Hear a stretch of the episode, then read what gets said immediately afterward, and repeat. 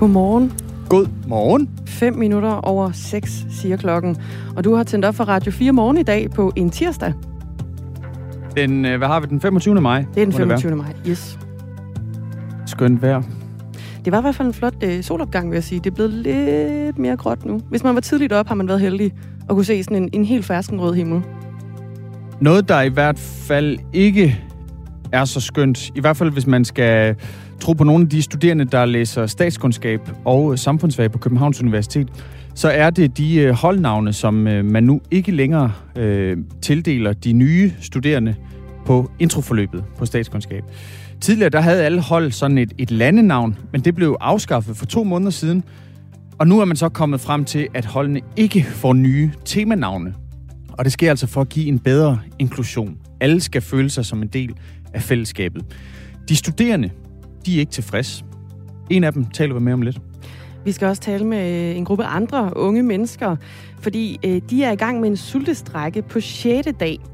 De har nemlig besluttet sig for at sultestrække i en uge for at opnå klimahandling, og vi stempler altså øh, ind her mod ugens ende for at høre, hvordan det så er gået. Og om de måske har fået noget ud af den her sultestrække endnu. Der er jo i hvert fald en dag tilbage.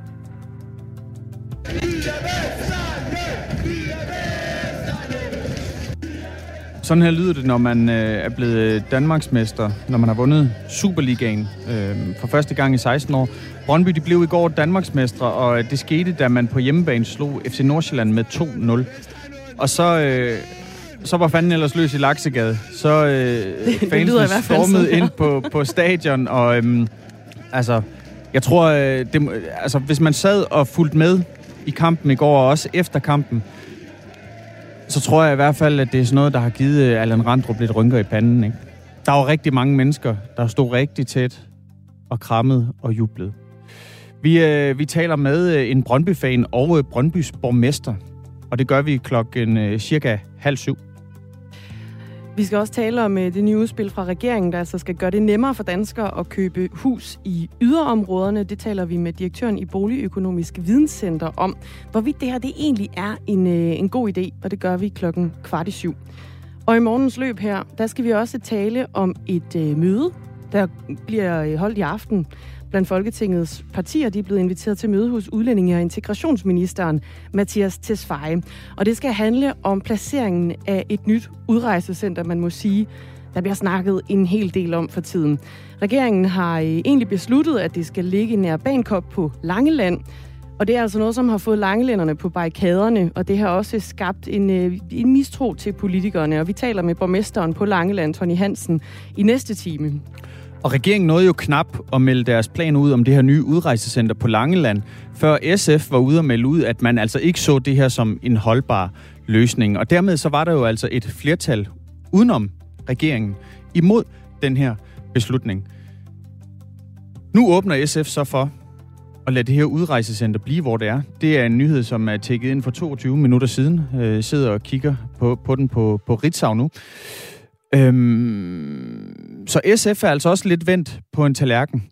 Og det, der jo også er lidt sjovt ved den her historie her, det er, den eneste borgmesterpost, som SF har, den er på Langeland. Ja. Hvad er siger, hvad siger SF's eneste borgmester i Danmark til den her kovending fra sit eget parti? Det spørger vi ham om. Øh, det er lidt over syv, ikke? Jo, det er syv minutter over syv. Yes. Der skal man lytte med. Du kan også byde ind på den her historie. Hvad, hvad synes du? Hvor skal udrejsecentret egentlig ligge henne? Skriv ind 1424, start med R4, et mellemrum og din besked. Vi vil ikke høre, hvor det ikke skal ligge. Nej, Vi vil høre, hvor det skal ligge. ja lige præcis. Ja. Ja tak. 10 minutter over 6.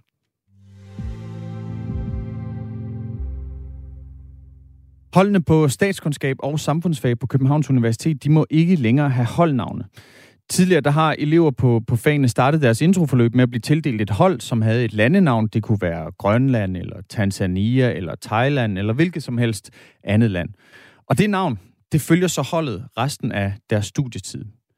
Men for to måneder siden, så blev det altså besluttet, at de her landenavne, de skulle droppes, fordi en elev havde klaget over navnene. Og herefter så har universitetet ligesom forsøgt at finde andre holdnavn end landenavn, men det er altså ikke lykkedes at finde frem til noget, som var passende nok og inkluderende nok. Så derfor så afskaffer man nu alle holdnavn. Frederik Nielsen, godmorgen. Godmorgen. Du er elev på 12. semester på samfundsfag på Københavns Universitet.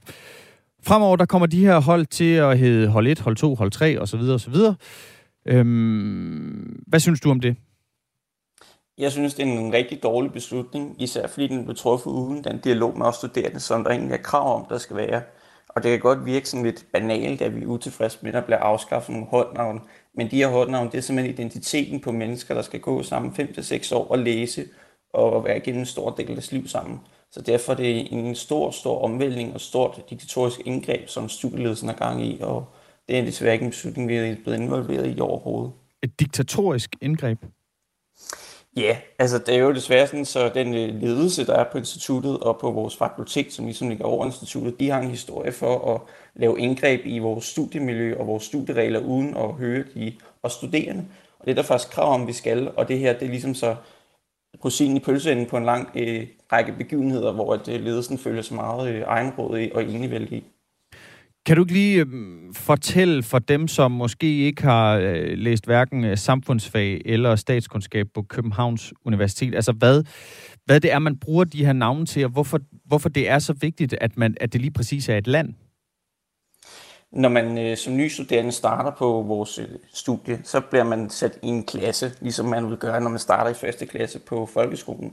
Og så for at få rystet de her nye mennesker sammen, som er, har mange forskellige aldre, aldre og kommer fra hele landet, så sætter man dem sammen i den her klasse, og så giver man dem et navn, og ud fra det navn, det vil sige typisk et land, jeg var selv øh, fra Skotland, så laver man så en række aktiviteter mod de andre lande, og på den måde så bliver man så skabt, for der skal man skabe sådan et tæt fællesskab.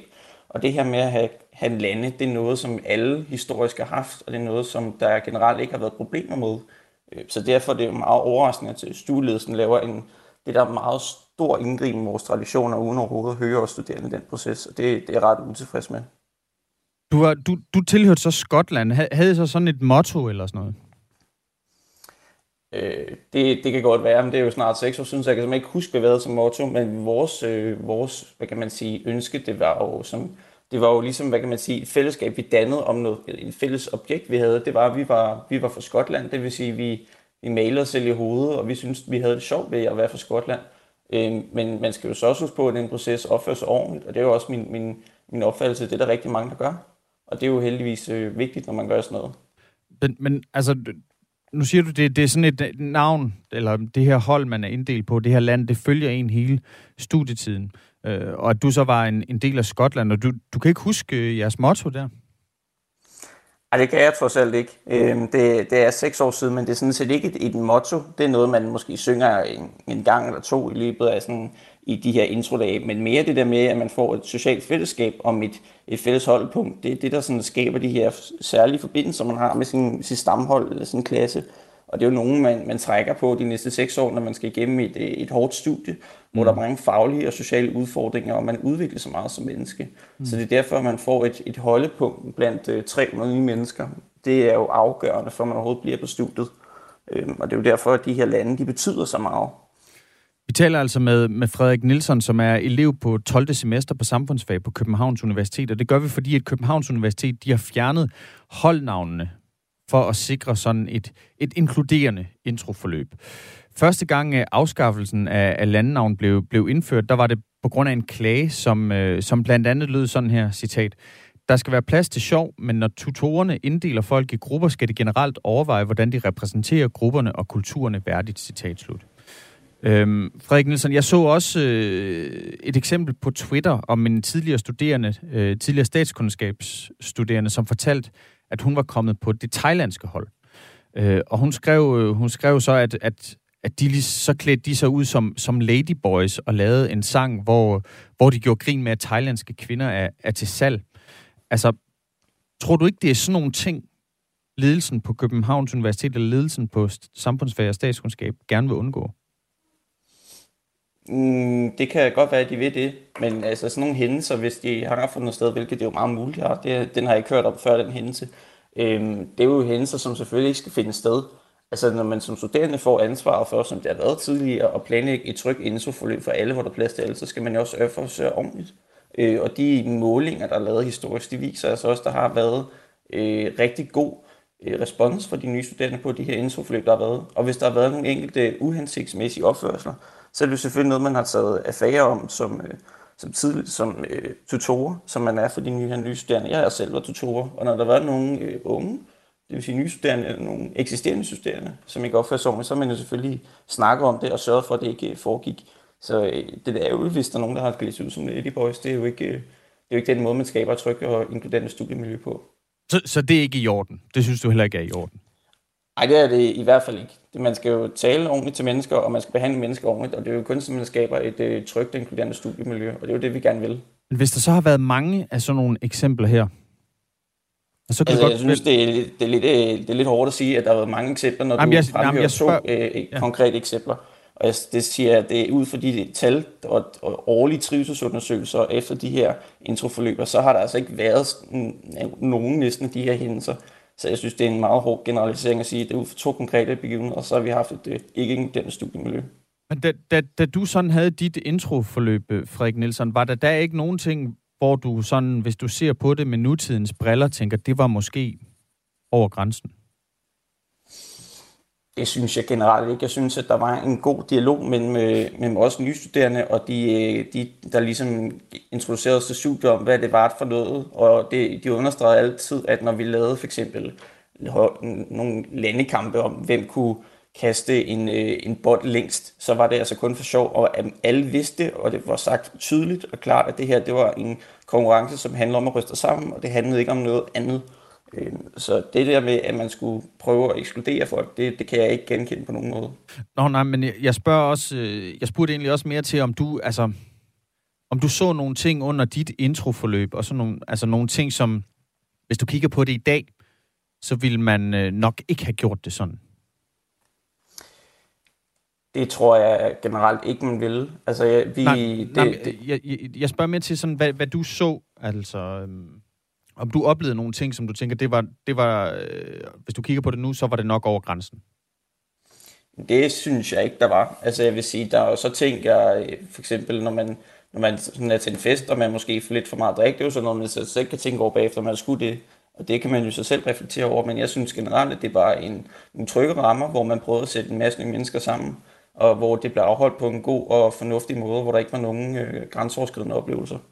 Hvad var, det for, hvad var det, der skete til de fester, der, hvor man havde fået lidt at drikke så? Ja, men det var måske bare mere mig selv, der ikke kunne holde mere alkohol indenbords. Men øh, det er jo så øh, min egen personlige svaghed jo. Hvis, hvis det nu er, at det er sådan, at der er nogen, der føler sig krænket over de her holdnavne, skal man, hvordan skal man så tage hensyn til dem?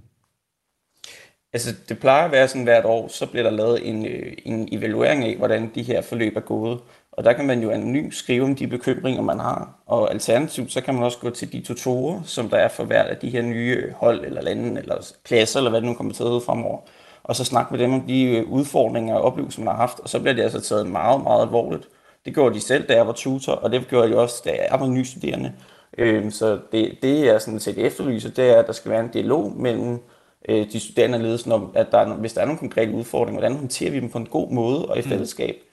Fordi det er jo det her demokrati og studenterdemokrati, som jeg efterlyser, det er det, jeg gerne vil have. Og det er jo, det er jo over, hvis der er nogle ting, der skal laves om, fordi de ikke fungerer, eller fordi folk ikke føler sig ordentligt Det skal folk selvfølgelig. Altså folk skal have det godt, når man læser, og folk skal have det godt generelt, når de har et liv i samfundet. Så derfor er det jo vigtigt, at vi kan tage en dialog om de ting, der ikke fungerer.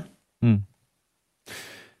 Når man går i, i folkeskolen, så, så går man jo også i en klasse, hvor man så hedder øh, første A eller første B. Øhm, det er der jo ikke nogen, der har et, et problem med. Hvorfor, hvorfor er det et problem på, øh, på samfundsfag og statskundskab på Københavns Universitet, at man nu bare har et, et tal som holdnavn i stedet for et land? Det, der er problemet, det er, at man går ind og ændrer på den centrale del af et, et studiemiljø og en tradition, som går på tværs af alle tidligere studerende og nuværende studerende. Nemlig, at man har haft det her fællesskab om, at, at det er lidt sjovt, at så har alle et land, man kan referere til.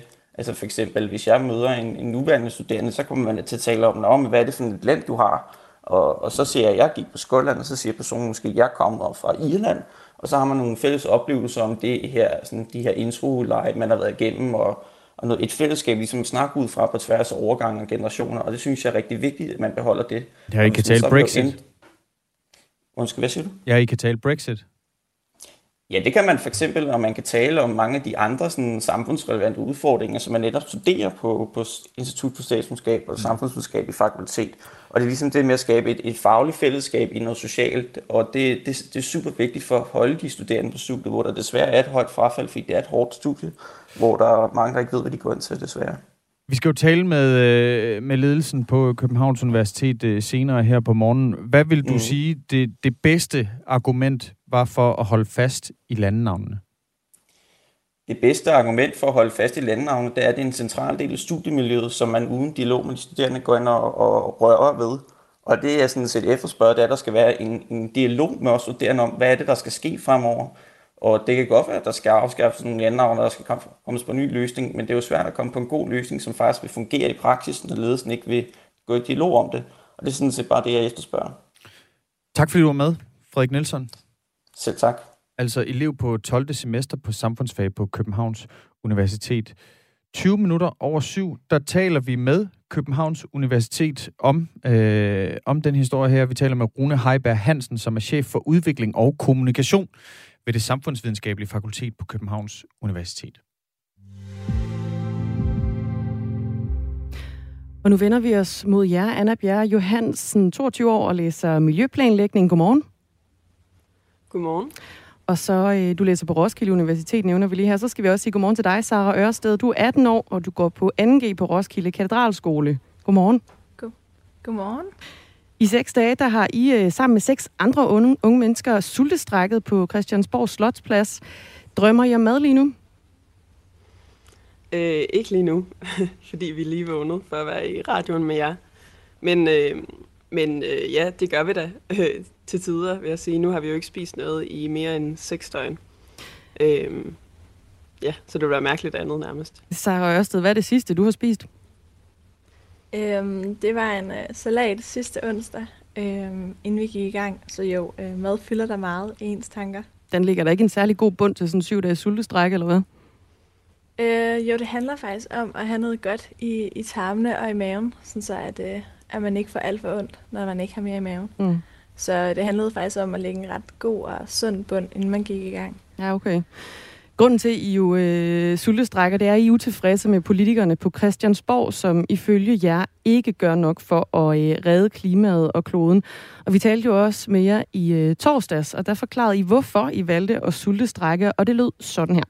Det er, det er jo et redskab, og, som vi har valgt at bruge, fordi vi føler, det at det, vi har brugt alle andre redskaber øh, for at blive hørt. Så det er jo det er et mål om at, om at blive hørt, og om at, at de kan se alvoren i at, i, at vi er så alvorlige i vores beslutninger. Og vi gør klar over, at det ikke er et vidundermiddel, at nu lytter de, at nu, nu løser det hele. Men øh, vi har det også sådan lidt, at hvad skal der til, fordi vi har prøvet så meget andet. Øhm, så det er jo egentlig bare et nyt redskab, øh, i vores aktivisme. Ja, og så er det også lidt en handling i desperation, fordi vi snart ikke ved, hvad vi ellers skal gøre øh, for at blive hørt. Anna Bjerg Johansen, jeg vender mig mod dig nu. Var det, øh, har det været et virkningsfuldt redskab, den her sultestrække? Øhm, ja, på den ene side ja, på den anden side nej. Altså vores hovedkrav har jo været at øh, få politikerne til at give os et løft om en genforhandling af alle klimaaftalerne, som er derfor, vi, vi har sultestrækket. Øh, det løfte har vi ikke fået, så på den måde har det jo ikke været en succes. På den anden side kan man sige, at vi har fået ret meget opmærksomhed. Øh, øh, opmærksomhed fra medier og aviser osv. Øh, og det er, jo, det er jo virkelig dejligt, at når man laver en så radikal aktion, kan man sige, at der så er nogen, der, øh, der dækker det, at det kommer ud, og folk opdager, at vi gør det. Øh, så både og, kan man sige. Så, så forbliver det egentlig, kan man sige, bare ved et mediestunt? Øhm, Jamen, det, jeg tror, det er svært for mig at sætte det så sort-hvidt op i virkeligheden, fordi der er rigtig, rigtig mange af de aktioner, vi laver, som jo ikke fører noget realpolitisk med sig med det samme. Men, men derfor kan det jo være vigtigt alligevel, fordi det sætter gang i et eller andet, som så kan sætte gang i noget mere, som så i sidste ende kan føre noget med sig, der, der er konkret. Øhm, så det, det, jeg synes, det er svært at vurdere faktisk. Øhm, men, men altså, der er jo stadig, altså, vi bliver ved til øh, i morgen, kan man sige. Vi er ikke helt færdige nu, så hvem ved, hvad der kan nå at ske øh, fra politisk side. Vi har ikke... Øh, vi har ikke været i kontakt med en eneste socialdemokratisk minister eller med statsministeren. Øhm, hvad vi ellers rigtig gerne har ville. Der er ikke nogen af dem, der har ville snakke med os endnu. Hvor så, meget har I øh, prøvet? Jamen altså, vi har jo siddet hver dag ude på Slotspladsen fra tidligt om morgenen til sent om aftenen. Øh, med nogle kæmpe store skilte og bannere. Øh, så vi har været meget synlige, vil mm. jeg sige. Og, og jeg er sikker på, at de ved, at vi sultestrækker, fordi der er rigtig mange af de andre partier, som har været nede og snakke med os øh, undervejs. Men regeringen, som jo er dem, der har øh, magten til at lave nogle af de her genforhandlinger af klimaaftalerne, så vi kan få en, øh, en, en øh, hvad hedder det, en klimapolitik, der overholder klimaloven. Øh, dem har vi altså ikke snakket med endnu. Ifølge overlæge Jens Richard Andersen, så vil øh, I altså ikke blive alvorligt skadet af den her sultestrække, der jo var en uge, i hvert fald i den her omgang, selvom øh, det heller ikke bliver måske helt let. Det har han i hvert fald sagt til, øh, til politikken. Sara Ørsted, har det været let det her? Øh, nej, det har bestemt ikke været let. Det går, det går virkelig op og ned, øh, og man har gode og dårlige dage, men øh, det påvirker selvfølgelig kroppen helt vildt meget undervejs. Men vi har også netop valgt en uge, for øh, som overlægen siger, at det ikke påvirker os bagefter, fordi vi bliver nødt til at blive ved med at lave aktivisme og kunne komme op på benene igen. Øhm, og, og kæmpe videre, hvis, hvis det, vi har kæmpet for indtil nu, ikke, ikke ses øh, i dansk politik. Kan du sætte et par ord på, hvad I har lavet? Altså nu har I siddet ude, på, øh, ude foran Christiansborg. Hvad har, I, hvad har I foretaget jer? Der har været nogle store skilte. Har der været nogle slagsange osv. for at gøre opmærksom på sagen?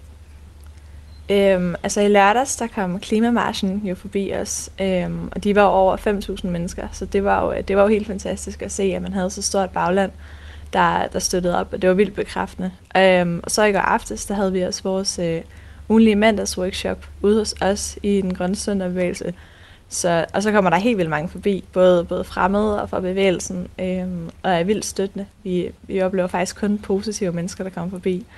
Så, øh, så det får vi meget tid til at gå med, faktisk.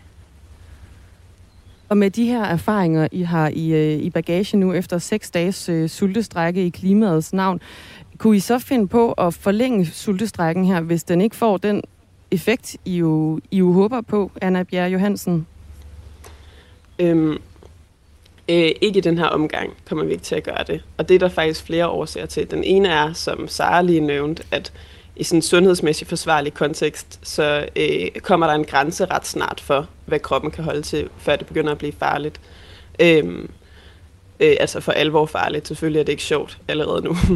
øh, og, og den anden ting er, at det er jo, altså man skal måske se det her som en markering. Altså en markering af alvoren. Det er jo, uanset hvad, kommer vi jo ikke til at sultestrække, til vi dør. Og så vurderer vi, at en uge faktisk er, øh, er et ret godt sted at starte. Altså for ligesom at, at understrege, at at det her med en ambitiøs klimahandling nu ikke er for sjov, og, og at vi mener det er alvorligt, og at vi mener, at det godt må koste noget. Altså, øhm, og, og, vi, og vi gerne vil sætte os selv på spil for at, at markere den alvor. Mm. Og så har vi faktisk valgt den her dato onsdag den 26. fordi det var der, Folketinget skulle have lukket, og det var ligesom for at markere øh, det her endnu et tabt år, som har været vores kampagne, øh, endnu et tabt år i dansk klimapolitik. Så det var derfor, at det var lige præcis den dato, vi havde valgt. Så, så hvad så nu, altså når, når sultestrækken den er, den er overstået? Hvad, hvad skal der så ske? Jamen altså, der skal ske alt muligt mere, fordi øh, den grønne studenterbevægelse, som vi er en del af, er øh, i, har kæmpe vokseværk lige nu, og det har klimabevægelsen i det hele taget. Øh, den unge klimabevægelse i Danmark, og vi bliver flere og flere og flere folk øh, vil rigtig gerne være med. Så ud over den her strække foregår der lige nu også virkelig, virkelig mange andre ting i bevægelsen øh, alle mulige andre aktionsformer. For eksempel er der jo lige blevet planlagt den her kæmpe store klimamarsch i lørdags øh, flere steder i landet. Øh, så når strækken her er slut, så øh, bliver vi jo bare ved, kan man sige, med alle mulige andre aktionsformer øh, når hele juni og juli og sommeren øh, og, øh, og til Folketinget åbner igen. Men altså ja, med så håber vi da, morgenmad og frokost og aftensmad, skal det forstås? Ja, yes. helt sikkert. Præcis. øh, tusind tak, fordi I var med her. Anna Bjerg Johansen, og Sara Ørsted. Det var så lidt tak, fordi vi måtte være med. Ja, selv mange tak. Anna Bjerg Johansen læser altså miljøplanlægning på Roskilde Universitet, og er 22 år, Sara Ørsted er 18 år og går på 2G på Roskilde Katedralskole. Og vi ønsker dem ja, held og lykke med den sidste bid her af sultestrækken. En dag tilbage, som Nick og Jay vil sige. okay, der, jeg, jeg var totalt klar med et overlæg til Thomas Sand, og så blev jeg hyldt ud af den med Nick og Jay. Alright, efter, øh, efter nyhederne, der taler vi med øh, Kent Max Malund, som er borgmester i Brøndby. Der var fest i Brøndby Kommune i går. Vi hører om øh, tømmermændene har lagt sig. Der er nyheder.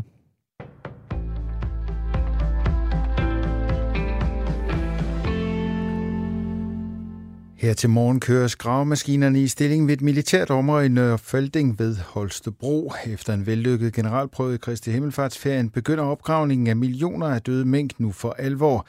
Mens der ikke var meldinger om voldsomme lugtgener forbundet med prøveopgravningen, kan det ikke udelukkes, at det vil komme, når knap 2 km minkgrav skal tømmes. 13 affaldsanlæg landet over vil få leveret det ene vognlæs med døde mink efter det andet. Det vil ske fra tidlig morgen til ud på aftenen på hverdag og i weekender. Cirka 15,4 millioner mink blev i efteråret slået ned. Det skete, fordi regeringen frygtede, at et muteret coronavirus hos mink kunne mindske effekten af kommende vacciner mod covid-19. En sag om mulig forgiftning af 181 borgere i Korsør får Miljøstyrelsen og eksperter til at efterlyse undersøgelser af flere hundrede brandøvelsespladser over hele landet, det skriver Jyllandsposten. Ejn Amripur fortæller. Borgere i Korsør bliver nu undersøgt på sygehuset efter, at de har spist kød fra kvæg forgiftet med det kraftfremkaldende fluorstof PFOS.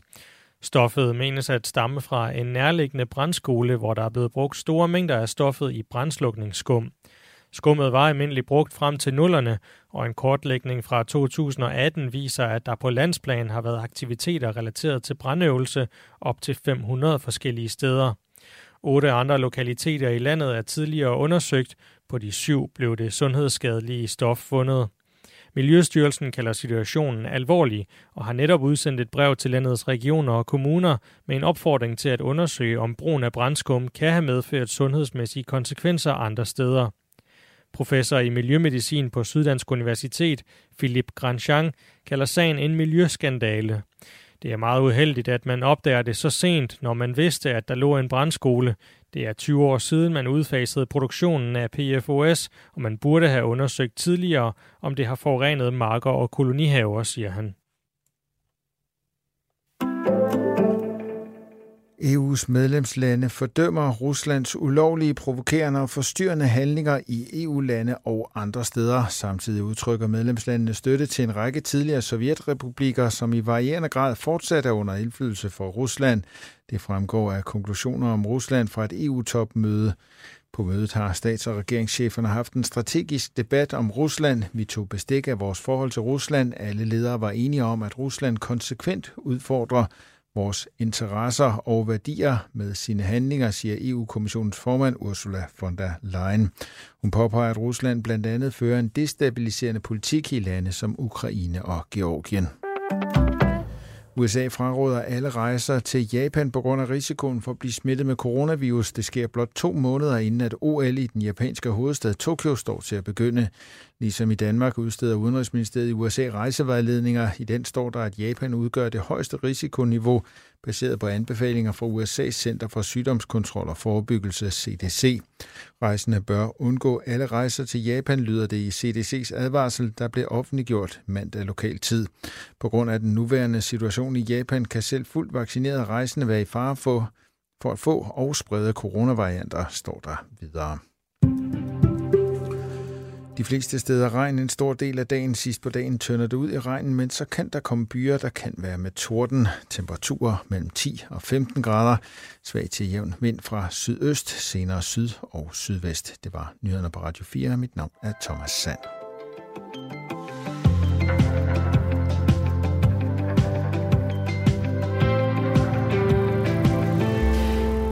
Godmorgen. Godmorgen. 26 minutter i syv er klokken blevet. Det er tirsdag den 25. maj. Kanalen, du har tændt for, det er Radio 4. Programmet, du lytter til, er Radio 4 morgen. du Værterne er det er skide godt. Dagmar Eben Østergaard og Christian Magnus Damsgaard. Godmorgen. Sådan. I den her halve time frem mod klokken 7, der skal vi blandt andet tale om det her udspil fra regeringen, som altså skal gøre det nemmere for danskere at købe hus i yderområderne. Det handler jo om, at øh, staten vil stille en, øh, en form for garanti for den sidste fjerdedel af et øh, realkreditlån. Og vi taler altså med øh, direktøren i Boligøkonomisk Videnscenter om, hvorvidt det her det er en god idé. Og det kan du lytte med på cirka klokken øh, kvart i syv.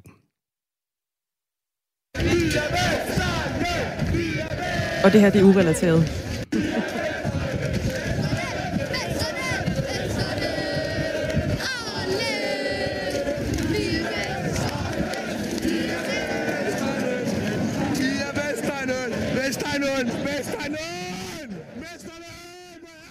Stemningen var uden for kategori. Og corona var skudt fuldstændig til hjørne, da Brøndby i går vandt Superligaen og blev Danmarksmestre 2021. Sidst de vandt, det var i 2005. Øhm, men altså, nu er der altså kommet endnu en mesterskabspokal i, øh, i øh, klubhuset i Brøndby. Og det skete altså, da, da Brøndby de på hjemmebane slog Nordsjælland, FC Nordsjælland med 2-0. Og så gik øh, folk ellers øh, amok i guldrus og stormede ind på stadion. Kent Max Malund, godmorgen. Godmorgen. Du er borgmester i Brøndby, og så øh, er du selvfølgelig også øh, glad i dag, er du ikke? Og det må jeg sige. Efter 16 års pokaltørke, så var det fantastisk at, at være på stadion i går. Og, og for os samtidig slette den øh, episode, vi er ude for i Horsens i 18, hvor vi mistede det danske mesterskab inden for få minutter. Så det er nu den slettet fuldstændig, så det var helt fantastisk. Var du på tur i går efter kampen? Nej, jeg var nede i omklædningsrummet øh, og, og hilste på spillerne, og, og det var, det, de var jo fuldstændig euforiske, ligesom jeg selv var. Og så har jeg været så heldig før min tid som borgmester. Der var jeg øh, skolelærer og idrætslærer, og jeg har faktisk øh, både Ræsan og Jol og Maxø, dem har jeg haft som elever på min idrætslinje i sin tid, så det var ren nostalgi at stå og blive fotograferet sammen med dem med deres medaljer, så det var jeg rigtig glad for. Hvem, hvem sagde du, du havde som elever? Maxø, han er anfører. Ja, Maxø, og så er Rezan Korlu, og så øh, Joel Carbongo. Okay. Øh, så øh, de har gået på samme middagslinje, som, som jeg havde i, i mange år på min øh, 10. klasse skole over i Brøndby, så det var jo helt nostalgi. Hvad, hvad var de for nogle øh, drenge? Altså, var de, øh, var de bedre i frikvartererne end i timerne? Nej, det altså, jeg, jeg, jeg er både dansk og idrætslærer. Jeg havde dem i idræt, og øh, det var de jo sindssygt gode til. Ja, det, det, det kunne jeg forestille mig. Ja, og mange gange, øh, så, så, så når man er god til en ting, jamen så hvis man havde lidt svært, svært, svært ved det, og det vil sige, det var der ingen af de tre, der havde, jamen, så mange gange kan man jo få overføre nogle af de ting, som de er gode til, til de faglige ting, også øh, for eksempel i dansk, ikke? Men jeg vil sige, det der, de var fantastiske elever, også i de andre fag. Så er, er, er de sådan blevet øh, kammerater her på bagkant, eller altså? Om, om de er, eller? Nej, altså sådan øh, ens... Øh, nu ved jeg ikke, om du var klasselærer, eller om det bare var, var dansk jo, jeg, jeg, jeg, jeg, jeg, var, jeg var klasselærer for dem. Fordi øh, ens klasselærer, som man har haft i folkeskolen, det er jo også en, man aldrig glemmer, ikke? Altså, hvordan... Jo, det tror jeg, og så, og så vil jeg sige, jeg tror også, øh, det projekt, det var den 10. klasse skole, vi var en af de første, der lavede det, med en idrætslinje som, som profillinje. Og det, det, det har trukket rigtig mange elever hele tiden, så så jeg tror, at det, det at, at de kom derover på noget og brugte, vi havde faktisk 12 timer idræt øh, om, om øh, ugen, det gør jo, at, at det, det var et tilløbsstykke, og øh, mm. at, øh, at de husker alle sammen, da de har gået der. Det er jo kun et år, det var i 10. klasse, de var der, ikke? Så... Ved, ved du, om de stemmer på dig? Nej, det ved jeg godt nok ikke. Mm. Så, øh, de, men øh, jeg ved i hvert fald, at nogle af dem bor herude, så, men altså, det, Ja, jeg er jo fantastisk stolt over at have været lærer for dem, og de repræsenterer klubben på den fantastiske måde. Det er jo det er jeg stolt over. Det har jo også været sådan et, øh, et, et hårdt år ikke med, med corona, og også særligt for, for Vestegn med, med sådan ret høje smittetryk. Hvad betyder det at få det her Danmarksmesterskab til Vestegn? Jamen, det betyder fantastisk. Altså, jeg har jo selv været involveret i, i, i det, her, det her corona som borgmester, og øh, det har jo været sådan lidt flatterende at skulle ligge i top 5 hele tiden og også føre. det var ikke lige det, man var stolt over, men jeg vil sige, at øh, øh jeg er utrolig glad for netop også, at, man, at, at vi får det her mesterskab, fordi øh, øh, jeg synes, vi har gjort fantastisk meget for at få, øh, få, få smitten stoppet. Og øh, jeg vil sige, at øh, den her, øh, at, at vi, også, vi også kan nogle andre ting end, end bare være smittet. Øh, det gør mig da ekstremt glad som borgmester, og det ved jeg, at det vil også øh, gøre for alle de borgere, som var, som var involveret også i for og fan, var involveret i kampen i går. Ken Max Malund, kan du, kan du ikke lige hænge på øh, lidt? Vi skal nemlig også have Camilla Olsen på banen, Brøndby-fan.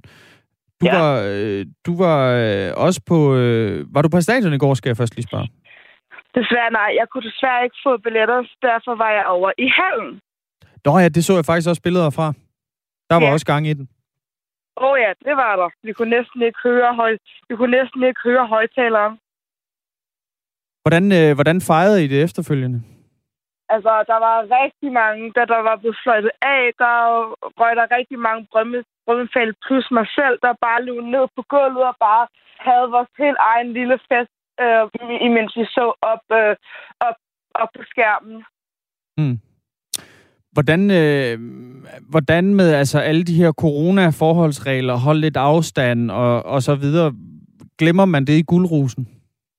Ja, lige i guldrosen, der tænker man, ved hvad, vi er alle sammen testet, vi ved, at de fleste er negative. Ved hvad, vi, lige, vi siger lige nu, farvel corona, og vi skal vi bare lige nyde, at drengene endelig har, mm. har, har, har fået guld. Det er ikke lige hver dag, det, det sker. Man kan, altså, man kan jo ikke bare lige sige farvel corona. Nej, det, det ved jeg godt, men man, man tænker ikke lige over det lige, lige det, i lige den situation der, for det er ikke det er ikke hver dag, at, at Brøndby de ligesom bliver danske mestre. Det er det ikke. Det er 16 år siden sidst. Ja, så derfor tænker man ikke lige over det lige det sekund, det lige sker. Hvad, hvad er det, du synes, der er, der er fedt ved holdet i år, selvfølgelig, udover at de lige er blevet, blevet danske mestre? Altså, det hele faktisk. Altså, nu har jeg været Brøndby-fan i temmelig mange år efterhånden. Øhm, og jeg synes bare, at det her hold her, det, har, det er baseret på, på, på, på, hvor de fleste af vores egne unge spillere. Det er ligesom ikke nogen, de fleste spillere, de er ikke købt ind, ligesom for eksempel FCK eller FC Midtjylland. Vi har vores egne unge spillere, der ligesom, der er altså ligesom kernen af klubben, der er, det synes, det er, det, er, det er rigtig fedt at se. Mm. Øhm, tak fordi du var med. Jeg, jeg skal lige høre, Camilla Olsen, hvad, hvad laver du til daglig? Skal du op og få arbejde i dag? Øh, jeg skal, jeg skal op og i skole, faktisk. Øhm, jeg, jeg, er, jeg går på sådan noget ordblinde undervisning, på grund af, at jeg er stærkt ordblind, plus jeg, er, jeg går på noget FTU. Hmm. Okay. Så ja. Det, det, det bliver spændende at se, hvor mange af dine øh, klassekammerater, der møder op i dag ja, det, det, det, det bliver spændende at se. ja. I hvert fald tak, fordi du var med, øh, Camilla, og tillykke med, øh, med mesterskabet. Mange tak. Kent Max øh, Malund, borgmester Brøndby, tilbage til dig. Ja. Hvordan, altså, vi så jo alle sammen de her billeder af sådan hårder af Brøndby-fans, der stemlede sammen og løb på stadion osv. I har jo kæmpet med høje, høje smittetryk i, i Vestegnskommunerne. Frygter du, hvad der ligesom øh, kan blive konsekvensen af den her mesterskabsfejring? Ja, altså selvfølgelig, selvfølgelig, jeg vil sige, at jeg har selv været op på øh, stadion øh, de, de sidste tre hjemmekampe, og der vil jeg sige, der har det virkelig været styr på det. Der har været negative test, skulle man fremvise. Øh, man skulle have holdt afstand, der var sæde imellem, øh, når vi gik ind. Vi blev kropsvisiteret, vi skulle vise ID. Så alle dem, der har været på stadion, har, har i hvert fald været tjekket øh, helt til bunds. Og så er det klart, det der sker i går, hvor pludselig øh, er mange af fans, der kommer derind, det, det er der selvfølgelig lidt bekymret for. Men jeg kan godt følge Camilla, og jeg sad også selv og tænkte, mm. okay, altså den eufori, der, der pludselig er kommet, den der øh, forløsning, der er kommet, bo, øh, bo med efter de 16 år, og også at, at, øh, at som du selv nævnte før omkring øh, det her corona, jamen, men folk, det, sådan en eufori er svær at stoppe, og selvfølgelig er da bekymret for, at det, at, at, at det skal udvikle sig, men jeg håber selvfølgelig, at, at, at der er jo heldigvis mange flere, der er øh, vaccineret nu, end der var tidligere, at, øh, at det kan afhjælpe sig, så håber jeg selvfølgelig, at, at vi slipper på det værste. Men, men jeg må indrømme, da, da, jeg, da jeg, de fans de fik jo lov at komme ind øh, og blev komme ud til siden, så vi kunne få overragt øh, medaljer og sådan noget, der må jeg også, også indrømme som borgmester. Jeg, jeg, jeg synes, det var fortjent altså med, med de fans, der var der, at mm. alle fik en del i, i af den her begivenhed, som er once in a lifetime måske for nogen. Øh, og så tænker jeg, ja, det er, det er jo selvfølgelig utrolig uhyggeligt med det her corona, men, men i euforien, der, der, der, jeg vil også blive talt med politiet, at, at, at ja, men det er sgu svært at gøre, når man er så glad. Jeg kan godt følge Camilla også, at øh, vi var sgu alle sammen så rørte og glade, at, øh, vi, lå, vi glemte lige coronaen, i hvert fald i, øh, i de sekunder, hvor det her det stod på. Så, så jeg håber selvfølgelig ikke, at, at det, det, det vil gøre noget, men, men det var sgu svært at, at skjule glæden i går, i hvert fald. Det kan jeg godt forstå. Hvordan er, øh, altså, det, det kunne egentlig også være meget interessant at se, hvordan sådan øh, sygemeldingerne er i, i Brøndby Kommune ja. i dag. Altså, om man de, decideret kan læse i, øh, i sygemeldingsstatistikken, at, at Brøndby de er blevet mestre i går. Hvad, hvad, hvad? Ja, ja, der, der, der, jeg, jeg tror nok, jeg, jeg var en af dem, der også gik uh, sent hjemme ind til 11-tiden og fulgtes med en masse fans, og jeg vil da sige, mange af dem, de var i rigtig godt humør. Og jeg spurgte også, skal I på arbejde? Og nogen havde taget fri, og jo, det skulle, de, det skulle de tænke over, i hvert fald, når de kom på arbejde, eller når de vågnede i morges, eller her til morgen, og fandt ud af, hvad, hvad de ville gøre. Så øh, men en fantastisk stemning, og jeg tror da selv, Jamen, jeg vågnede allerede klokken 5 igen, selvom jeg øh, først kom i seng klokken over 12. Øh, jeg tror, at det, det, det der kriblen og alle de gode drømme, man har haft, øh, og forløsningen, jamen det gør sgu, man har, øh, jeg tror, man har så meget energi, og jeg tror gerne, man vil på sit arbejde ligesom fortælle, jamen jeg kommer fra Brøndby, at jeg, jeg skal på arbejde lige om lidt, og det glæder mig sgu rigtig til, så og jeg tror, mange af vores øh, fans har det lidt på samme måde. Så der, der er ingen øh, sure miner, hvis øh, nogle af de ansatte på borgmesterkontoret, de i dag øh, enten møder ind lidt øh, med svejseøjen, eller måske sygemelder sig? Ja, ja, ja. Det, det, det er en speciel dag, vil jeg sige. Ja. Så har jeg ikke sagt for meget. Det har du ikke. Tak fordi du var med, øh, Kent Max Malund. Ja, velkommen. Borgmester i, i Brøndby, og så havde vi altså også øh, Camilla Olsen med, som, øh, ja, som var Brøndby-fan lige så længe hun kan huske. Ja, og det er jo lidt spændende det her med, hvad kan der ske efter sådan et stort event, hvor folk lidt glemmer, at corona rent faktisk eksisterer. Men man kan sige, at samme dag, som øh, alle de her mennesker, de er jo tørnet sammen i en eller anden øh, gigantisk sejrsrus i Brøndby, så kom der altså også godt coronanyt. Fordi med bare 37 coronapatienter på landets intensive afdelinger på sygehusene, så er der altså ikke noget pres på de her afdelinger, siger formanden for landets intensivlæger, Joachim Hoffmann Petersen. Og det betyder altså, at beredskabsplanerne de er lagt i skuffen, i hvert fald for nu. Altså, vi har ikke øh, kasseret beredskabsplanerne. Vi har bare lagt dem tilbage i skuffen. Så, så hvis der er noget, der ændrer sig, så kan vi hurtigt agere på det. Ja, man kan altså hurtigt hive dem øh, op af skuffen igen. De er ikke kasseret, siger Joachim Hoffmann øh, Petersen her, som også er folketingskandidat for, øh, for de konservative, kan vi lige nævne her. Og selvom der altså har været en, en lidt stigende smitte hen over den seneste tid, så betyder det ikke nødvendigvis flere indlagte. Lige nu der har det sådan cirka stabiliseret sig omkring 150 coronapatienter på, på landets sygehuse. Det, er, altså, det kan godt være, at der kommer flere smittede Øh, men, men, men jeg tror ikke, der kommer ret mange flere indlagte, øh, og heller ikke på intensiv. Øh, fordi dem, der er i stor risiko for at blive indlagt, de er øh, blevet vaccineret. Og, øh, og i de kommende uger, der, øh, der er der endnu flere, der bliver, bliver vaccineret. Så, så øh, de få patienter, der er i, i 40'erne også på intensiv, den, den, den patientgruppe vil også forsvinde i løbet af de kommende uger. Ja, vi står altså i et relativt øh, godt sted, kan man sige. Det seneste døgn, altså indtil øh, i går, det var der de seneste øh, coronatal, de kom fra Statens Serum Institut. Øh, der var der blevet registreret yderligere 919 coronatilfælde, og det er altså tredje dag i træk med smittetal under 1000, og positivprocenten den er på øh, 0,64 procent for tallene i går. Så vi må vente og se, hvad der rent faktisk kommer til at ske med, med smittetallene. Vi ved jo ikke endnu, hvad der kommer til at ske efter sejrsrosen i Brøndby. Og så også lige, at øh, hvad er det? det er næsten 1,9 millioner mennesker, der har fået øh, første stik med en vaccine. Ja. Det, er, det var bare lige det, jeg ville indskyde. ja, det er noget, der ligner en tredjedel af, af danskerne, der har fået, øh, fået første ja. af, af de to vaccinestik, og det er øh, lige over 20 procent, der er færdigvaccineret. Næsten 1,2 millioner mennesker. Bum.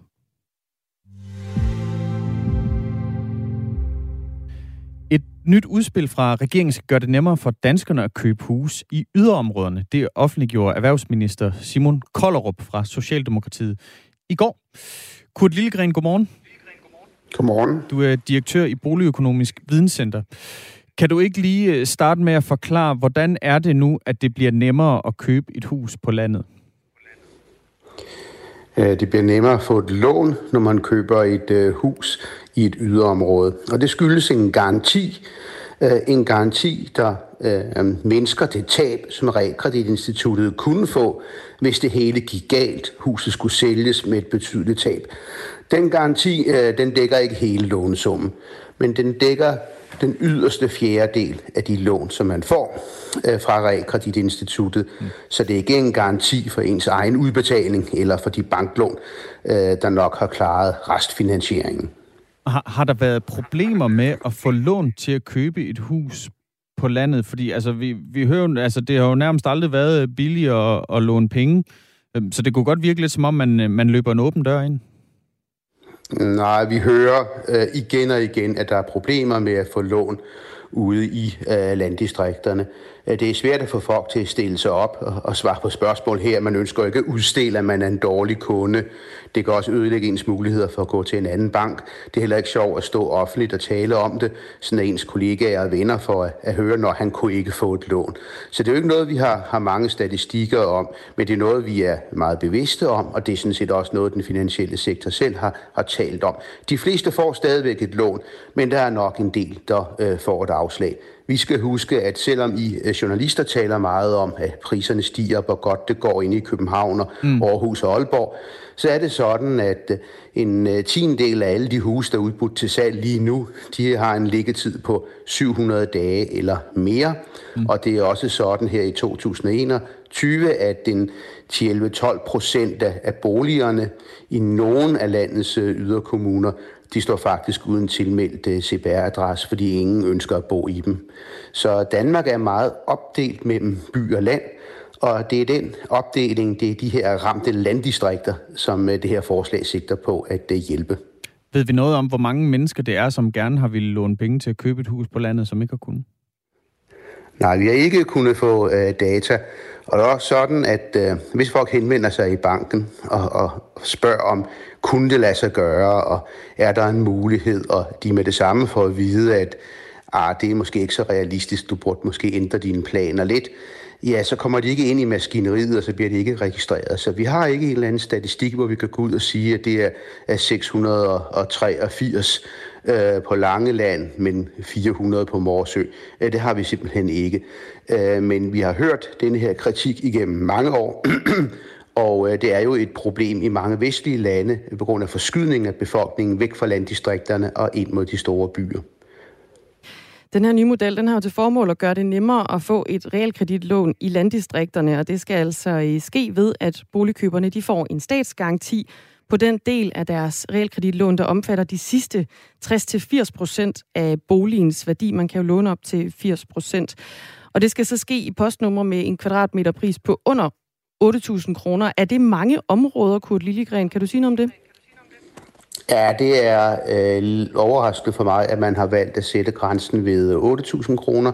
Jeg havde forventet en lidt lavere grænse, måske ned omkring 6.500 eller 7.000. Øh, jeg vil skønne, at øh, vi lander nok i størrelsesorden end 150 øh, postnumre. Så det er forholdsvis øh, mange. Men jo mere man udbreder denne her løsning, desto billigere bliver den også for de enkelte aktører. Vi må jo forvente, at det fungerer som en forsikringsordning. Det er sådan, det virker i udlandet. Og det betyder, at kunderne de skal selv betale for at blive omfattet af denne her garanti. Og jo mere selektivt man gør det, altså jo mere kirurgisk man går ind i de værst ramte områder med den her ordning, jo dyrere bliver det jo. Fordi så kommer man ind der, hvor der er potentielle tab. Så man har altså valgt at uh, sprede den ud, og det betyder, at der er rigtig mange områder nede på Lolland Falster, med undtagelse af Nykøbing Falster, øh, på Fyn, selvfølgelig med undtagelse af Svendborg og Odense, øh, men ellers generelt Fyns Fyn, Sydfynske Øhav, Sønderjylland er et andet eksempel, store dele af Nordjylland, øh, Mariager, det er sådan nogle steder, at den her ordning den vil komme til at fungere. Så det er ikke kun landdistrikter, det bliver også en masse provinsbyer, som det her kommer til at gælde. Altså, hvad, hvad, hvad spår du om den her, øh, den her løsning? Tror du, det kommer til at, at, at virke, kan man sige, efter hensigten, at der er flere, der kommer til at kunne låne penge, så de kan købe bolig i landdistrikterne? Ja, jeg tror faktisk, der er en effekt af det, men jeg tror ikke, at effekten bliver så stor, at det kommer til at påvirke den overordnede prisudvikling mellem by og land. Øh, der bliver givet lån i dag ude i landdistrikterne. Det er bare ikke alle, der kan få opfyldt deres drømme. Så jeg tror, der vil være lidt flere, der får et øh, lån. Men det vil ikke være så voldsomt, så det kan opveje det nedadgående pres, der er i de områder på øh, boligmarkedet. Den øh, affolkning og den aldring, ikke mindst, der sker i de her landdistrikter, den er simpelthen så voldsom i de her år, så den tror jeg vil øh, slå igennem. Øh, og på den lange bane vil forskydningen fra land til by øh, kun fortsætte. Vi har fået en sms fra en, der hedder øh, Kenneth, og han har måske hørt noget, jeg ikke har hørt. Han skriver, forslaget lige så skævvridende som forældrekøbet. Kan der være en pointe i det? Øh, det kan jeg ikke følge ham i, at det skulle være skævvridende på øh, nogen måde.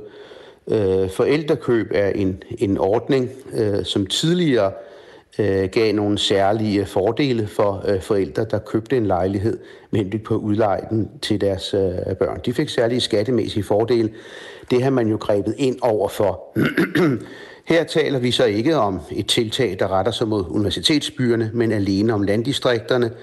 Og øh, det vil, øh, hvis det kommer til at fungere, som det fungerer i Holland eller Finland for den sags skyld, eller nu England, være en ordning, der bliver finansieret af brugerne selv.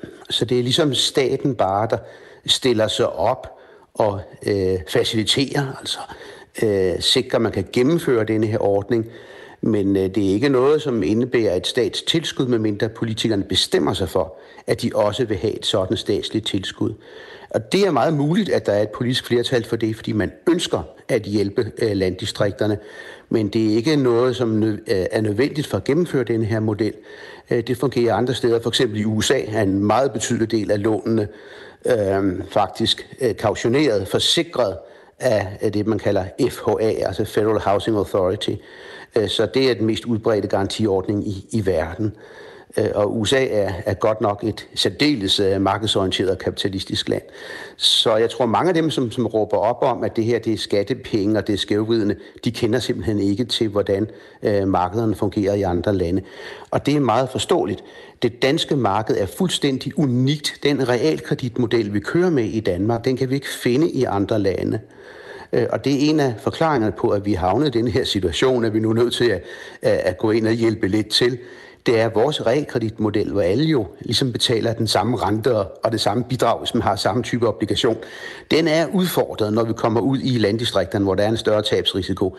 Fordi hvis realkreditinstitutterne skal dække den tabsrisiko ved for højt bidraget, øh, så er det jo sådan en form for kollektiv afstraffelse, mm. hvor også dem med de gode og sikre jobs øh, i de områder, hvor priserne stiger, de kommer ligesom til at betale et ekstra strafbidrag for de andre.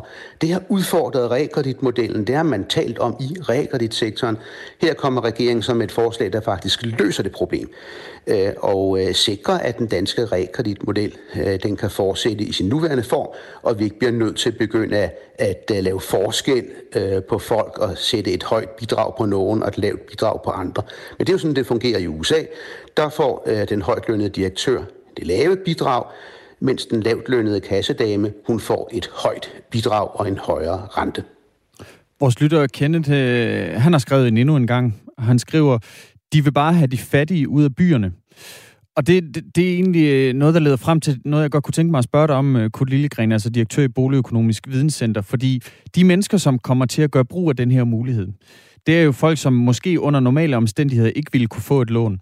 Betyder det ikke, at, øhm, at man, som kendeskriver faktisk bare tager dem, som, har, som normalt vil have dårlige lånemuligheder, flytter dem ud af byen? Det betyder, at dem, der bor i byerne, bliver rigere og rigere, og så samler man øh, de fattige ud på landet. Nej, det kan jeg ikke se øh, øh nogen logik i. Øh, det, der er tale om her, er, at man hjælper nogle folk med at blive ejere, som nok i stedet for at vil blive lejere ude i øh, landdistrikterne. Ganske mange ejerboliger bliver faktisk øh, udlejet i dag. Det gælder også enfamiliehuse. Så hvis folk ikke kan blive godkendt til at købe deres eget hus i de områder, jamen så vil de jo se sig om at, at kunne lege et hus øh, derude øh, i stedet for. så at det har ikke noget at gøre med at flytte folk øh, ud af byen og øh, ud på landet. Det er et forsøg på at hjælpe landdistrikterne øh, og løfte udviklingen derude. Spørgsmålet er bare, om det er nok til at kunne gøre det. Det tvivler jeg på, men jeg er sikker på, at der er, en del... Og men regeringen kan ikke styre prisudviklingen på boliger på geografi. Det er der ikke nogen øh, regering eller opposition i noget land, der virkelig kan, medmindre du kommer ind i, i sådan mere totalitære stater som øh, Singapore, hvor du har meget stærke virkemidler til sådan fuldstændig at kontrollere øh, boligmarkedets øh, prisudvikling. Så man bliver nødt til at øh, acceptere omstillingen væk fra produktionssamfund, altså væk fra landbrug og industri, og over mod et øh, videns- og informationssamfund.